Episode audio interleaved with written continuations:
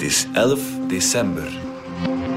Dit is vandaag de dagelijkse podcast van de Standaard. Ik ben Yves de Lebeleiren. Vier jaar na de aanbevelingen van experten om adopties uit het buitenland te verbeteren, blijven verhalen over wantoestanden naar buiten komen. Kinderen blijken niet altijd vrijwillig te zijn afgestaan en intussen doen de adoptiediensten in Vlaanderen elkaar de duvel aan. Hoe moet het nu verder met die buitenlandse adopties? Ik praat erover met Veerle Beel, die de sector al jaren volgt, en met onze collega Bart Laga, die adoptieouder is.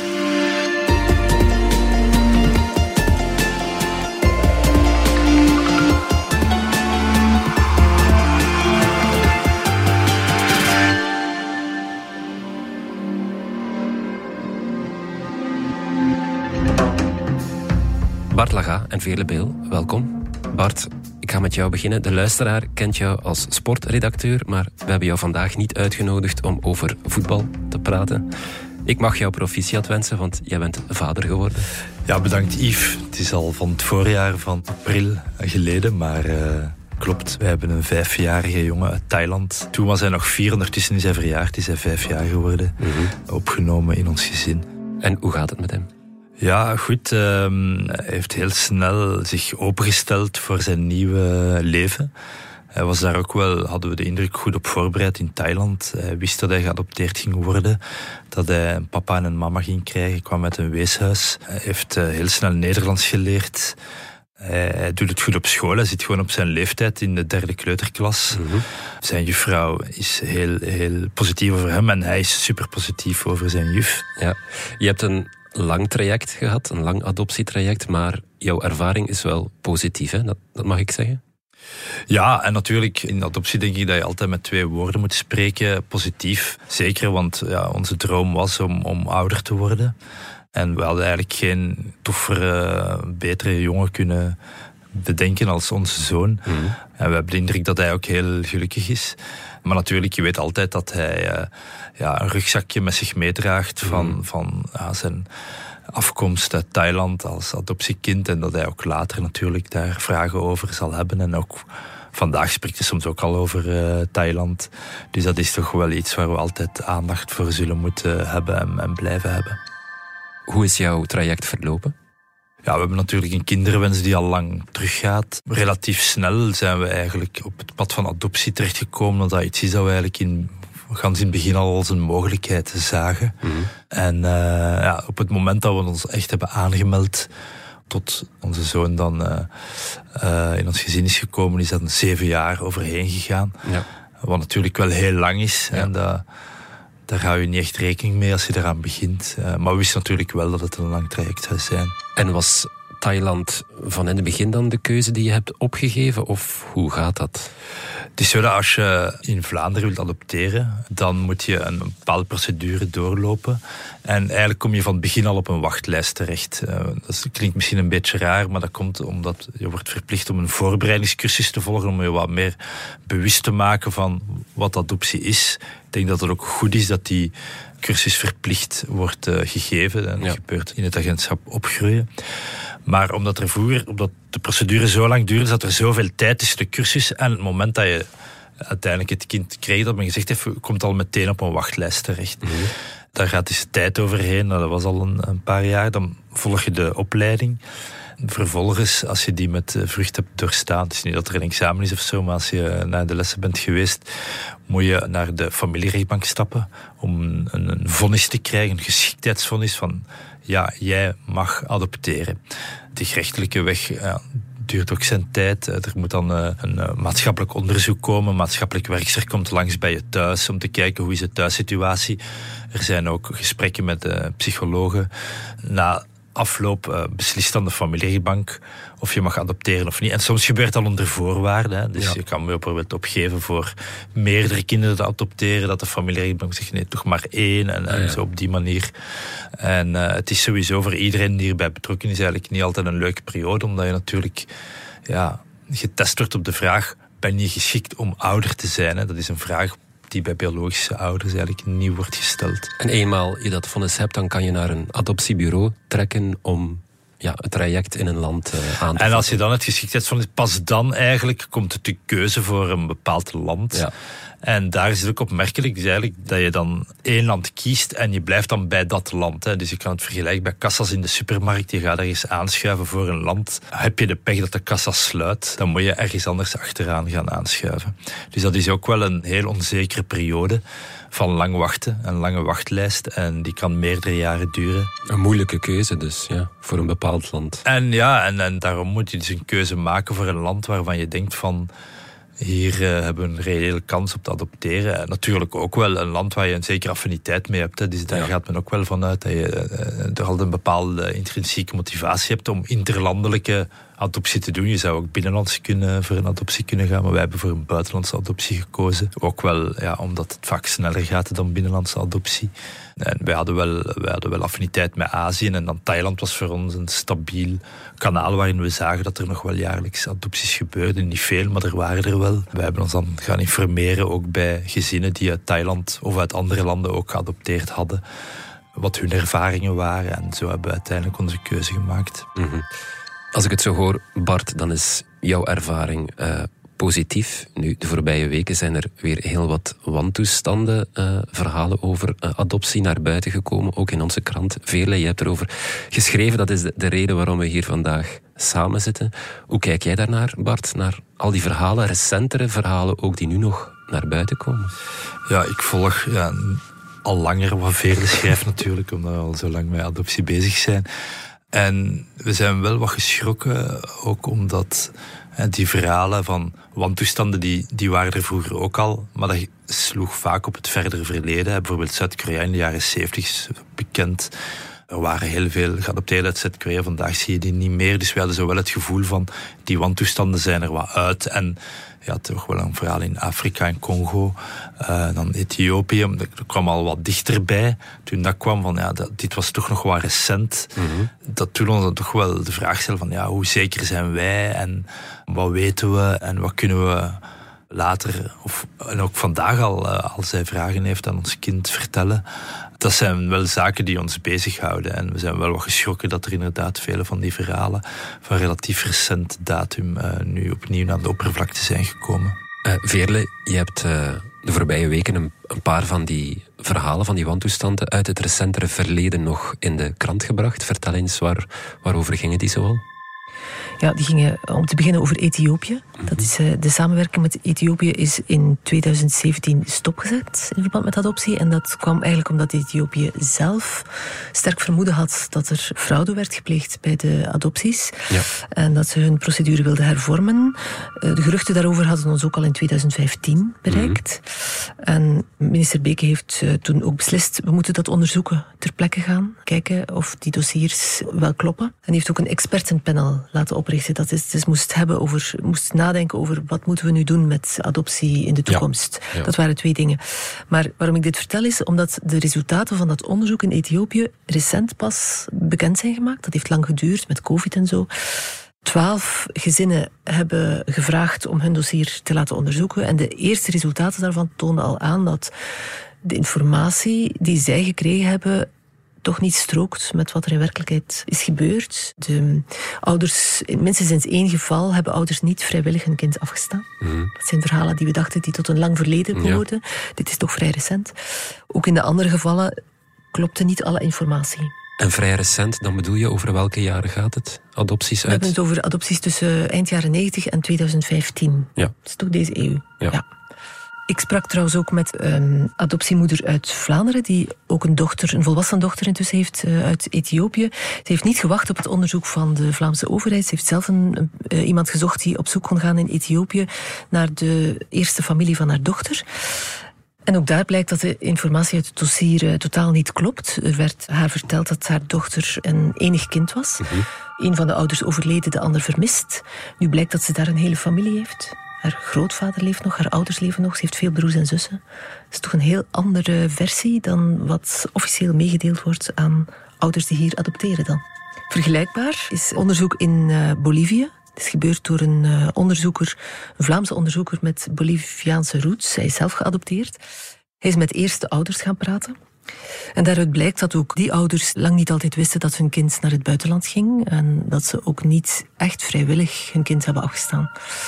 Het is niet in alle gevallen, maar hij heeft toch recente cases ook van uh, na 2000 opgedoken. En dat is toch verontrustend, want hij wijst er dan op, ja, we vertrouwen nu allemaal wel op papier en op het Haags verdrag dat adopties regelt.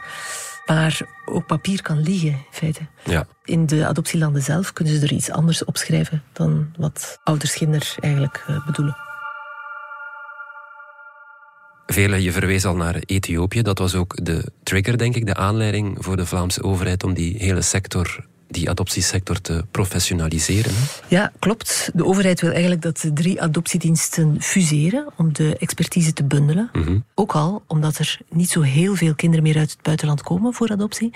Zijn er de jongste jaren tussen de 20 en de 30 elk jaar. Vroeger was dat 100 en meer per jaar. Dus als het dan toch om niet zo heel veel kinderen gaat, kan je beter de expertise samenzetten. En de oproep was dat de drie adoptiediensten samen een voorstel zouden indienen om ja, één dienst ja, te vormen. Te fuseren, ja. Ze hebben daar lang over onderhandeld. Het is misgelopen. Ze hebben uiteindelijk twee dossiers ingediend. Twee adoptiediensten samen en één apart. Ja. Uiteindelijk heeft het kleine mirakel die erkenning binnengehaald. Begin juni. De andere twee diensten waren daar niet blij mee, want ze dachten tot vrij lang dat iedereen samen ging werken daar Mhm. En nu, recent, is uh, die erkenning terug ingetrokken. Waarom? Dat ging dus om uh, de adoptiediensten FIAC en Ray of Hope aan de ene kant. Die vormen nu samen één dienst VIA. Mhm. En aan de andere kant het kleine mirakel. Dus dat de erkenning heeft binnengehaald. Maar recent is dat herroepen omdat VIA daartegen beroep heeft aangetekend. Ja. Bij de minister? Bij een adviescommissie. Ah ja. Ja, dat is uh, de formele procedure. Mhm. Die adviescommissie geeft geen enkel inzicht in hun argumentatie of in hun redenering. Mhm. Ze hebben in ieder geval meer tijd gevraagd om erover te oordelen, omdat er ook extra klachten begonnen binnen te lopen over het kleine mirakel. En waarover gaan die klachten dan? Die klachten zijn anoniem. We hebben er zelf wel eentje anoniem ook gebracht. Mhm. Van een koppel dat er uiteindelijk uh, niet doorgaat met adoptie, omdat zij meenden heel slechte informatie te krijgen over de kinderen die hen ter adoptie werden aangeboden. Ze stonden open voor siblings, zoals dat heet, broertjes en zusjes. En wilden graag een volledig medisch dossier, goede info over hun herkomst. En daar werd te licht over gegaan volgens hen. Ze kregen die informatie niet. En toen hebben ze zelf gezegd. Uh, dan doe het niet. Ze is ook een slechte communicatie. Ze voelde zich eigenlijk emotioneel onder druk gezet. Mm -hmm. Wat zegt de minister daarover? Ja, de minister zegt ook, wij hebben, ik heb de drie adoptiediensten bij me geroepen uh, in het voorjaar om te zeggen, werk nu toch samen. Mm -hmm. Ze hebben dat niet willen doen. Ik ga het ze nog eens vragen, want uh, nu ligt het dossier op haar bord. De adviescommissie heeft gezegd, er moet opnieuw beslist worden wie het mag worden en hoe het verder gaat. Laten we even luisteren naar wat minister Hilde Krevits daarover zei in het Vlaamse parlement. Wat de fusie betreft, enfin, ik heb net al gezegd dat het absoluut mijn voorkeurscenario was om de drie diensten te laten samenwerken. Uh, ik zal zien wat ik nu kan doen. In de, doordat het hier bij mij ligt, kan ik ook terug een initiatief nemen uh, nu. Ik vind dat zeer betreurenswaardig dat we daar niet tot een oplossing gekomen zijn. Omdat voor een stuk uh, je expertise had op een aantal fronten. En je, je voelt dat die expertise nu elkaar tegenwerkt. In plaats van verbonden te sluiten in het belang van de kinderen. Zij moet die knoop doorhakken en dat is voor haar natuurlijk ook heel moeilijk. Dat had ze liever niet moeten doen. Ze wil hervormen en professionaliseren, maar ze wil voorlopig niet weten van een adoptiepauze. Ja, op die adoptiepauze daar gaan we straks nog op door, maar eerst gaan we even uit voor reclame.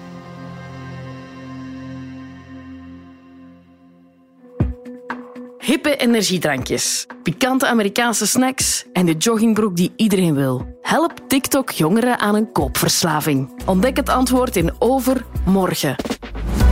Een boeiende podcast van DS Extra en Ads Data. Host Thomas Smolders verkent de wereld van data, privacy en gepersonaliseerde advertenties. Luister nu via de DS Podcast app of je favoriete podcastplatform.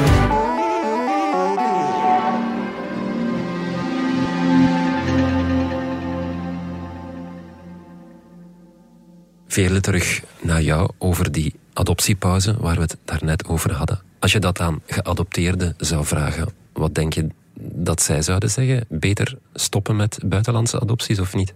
Ja, er, ik denk wel dat er uh, heel wat volwassen geadopteerden zijn die dat uh, denken. Er waren ook twee geadopteerden in het expertenpanel. Expertenpanel, nota bene, in het begin was geen enkel geadopteerde daar lid van. Mm Dan hebben zij even op hun strepen gestaan, terecht. Een van hen die er dus wel in kwam was Miranda Tirandekura. Zij is geadopteerd uit Rwanda. Ze is therapeute.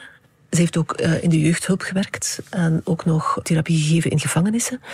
Wat mij wel frappeerde in haar verhaal, want ik heb haar daarna geïnterviewd, mm -hmm. is dat zij zegt dat ze in al die sectoren waar ze hulp verleend heeft, telkens toch meer geadopteerden tegenkwam, relatief gezien, dan je zou mogen verwachten. Wat niet wil zeggen dat iedere geadopteerde ongelukkig is natuurlijk mm -hmm. in ons land. Miranda is ook uh, absoluut voorstander van een adoptiestop omdat ze vindt dat het uh, te vaak fout gaat. Want zelfs als je hier wel tevreden bent met je leven als geadopteerde, dan nog is het confronterend om vast te stellen dat je je familie van herkomst niet terugvindt, dat je ja. geen informatie krijgt, of als je ze dan terugvindt, dat het helemaal niet klopt met wat je al die tijd geloofd hebt. Dus ja, als dat toch nooit zo correct kan verlopen, waarom moeten we er dan nog mee doorgaan? Ja, er gaan ja. toch wel meer en meer stemmen op voor zo'n adoptiepauze. Dat, dat mag ik toch wel zeggen, hè?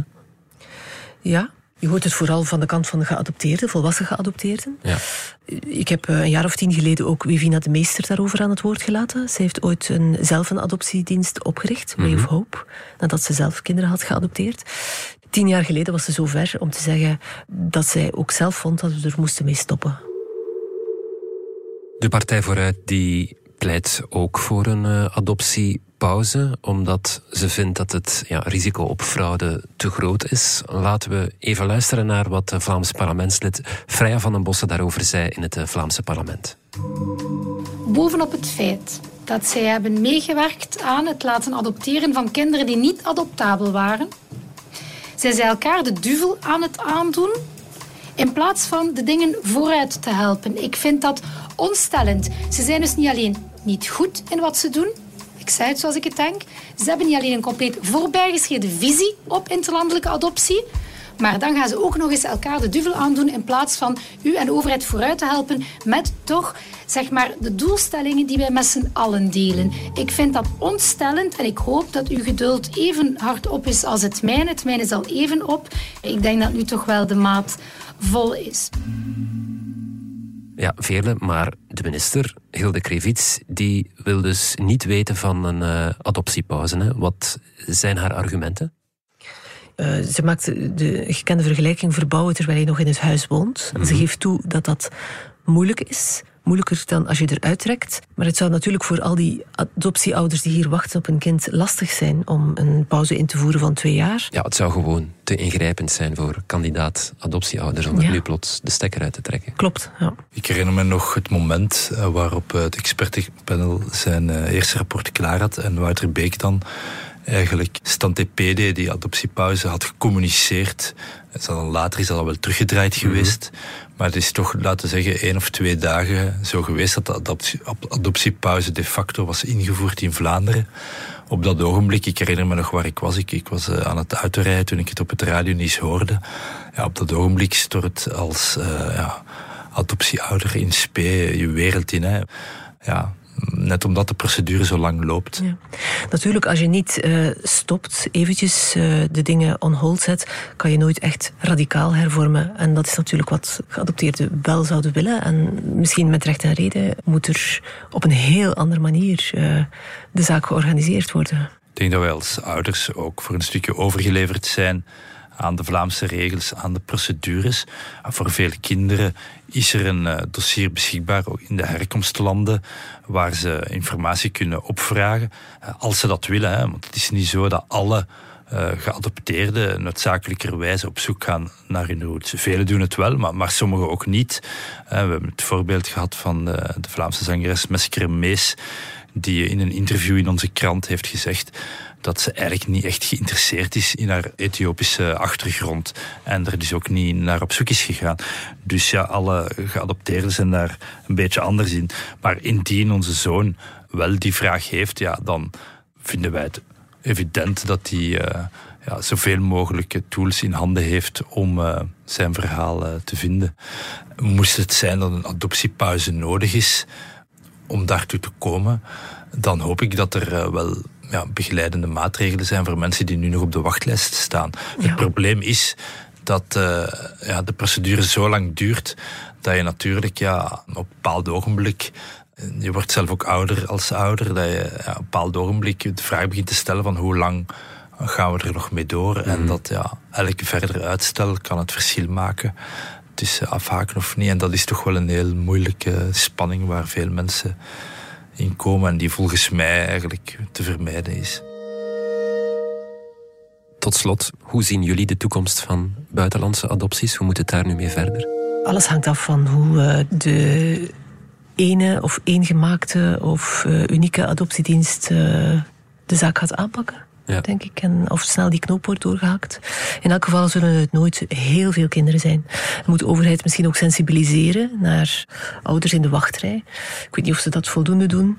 Dat de kans erop toch uh, helemaal niet zo groot is. Mm Dat je niet ten alle prijzen altijd verder moet uh, doorgaan in procedures toen wij de voorbereiding volgden, werd er wel gesensibiliseerd. Er werd bijvoorbeeld gekeken naar pleegzorg. Er werd gezegd van kijk, overweeg pleegzorg. We hebben uiteindelijk gekozen voor adoptie, omdat dat voor ons toch iets fundamenteel anders is. Waarbij wij de volle ouders zijn en, eigenlijk de herkomstouders niet meer in de picture zijn, althans juridisch. Want natuurlijk, daar zeg je het al. Eigenlijk blijven ze altijd in de picture, de ouders. Daarom willen volwassen geadopteerden eigenlijk ook liever dat alleen open adopties mogelijk zouden zijn. Waarbij het niet, niet de volle adoptie, maar de gewone adoptie, denk ik. Waarbij de ouders juridisch wel in de picture blijven. We hebben ons daar breed over ingelicht, bij, ook bij geadopteerden, maar ook bij ouders die geadopteerd hebben. En ja, we hebben ook wel, wel de vele mooie verhalen gehoord en onthouden, maar we hebben eigenlijk uh, heel goede ervaringen gehad, ook in onze eigen procedure, ook in Thailand. Onze zoon was goed voorbereid op wat er zou komen. Hij doet het heel goed op school. We zullen altijd moeten rekening houden met zijn bagage, zijn herkomst. We zullen altijd een plaats houden, ook voor zijn afkomst. We hopen dat hij zoveel mogelijk over zijn ouders later te weten gaat komen en dat hij op een positieve manier naar Thailand gaat kijken. Maar ook dat hij op een positieve manier uh, naar zijn leven in België zal kijken. En uh, ja, interlandelijke adoptie is een verhaal waar we echt sterk in blijven geloven. Ja, en het gaat goed met jullie zoontje. Ook dat is belangrijk om nog eens te beklemtonen. Vele en Bart, dankjewel. Graag gedaan. Graag gedaan. Dit was vandaag de dagelijkse podcast van de Standaard. Bedankt voor het luisteren. Volg ons op Spotify, Apple Podcast of eender welk ander podcastplatform. Of download de vernieuwde app DS Podcast, waar je ons werk en de beste luistertips van onze redactie terugvindt. Alle credits van de podcast die je net hoorde vind je op standaard.be-podcast. Reageren kan via podcast.standaard.be.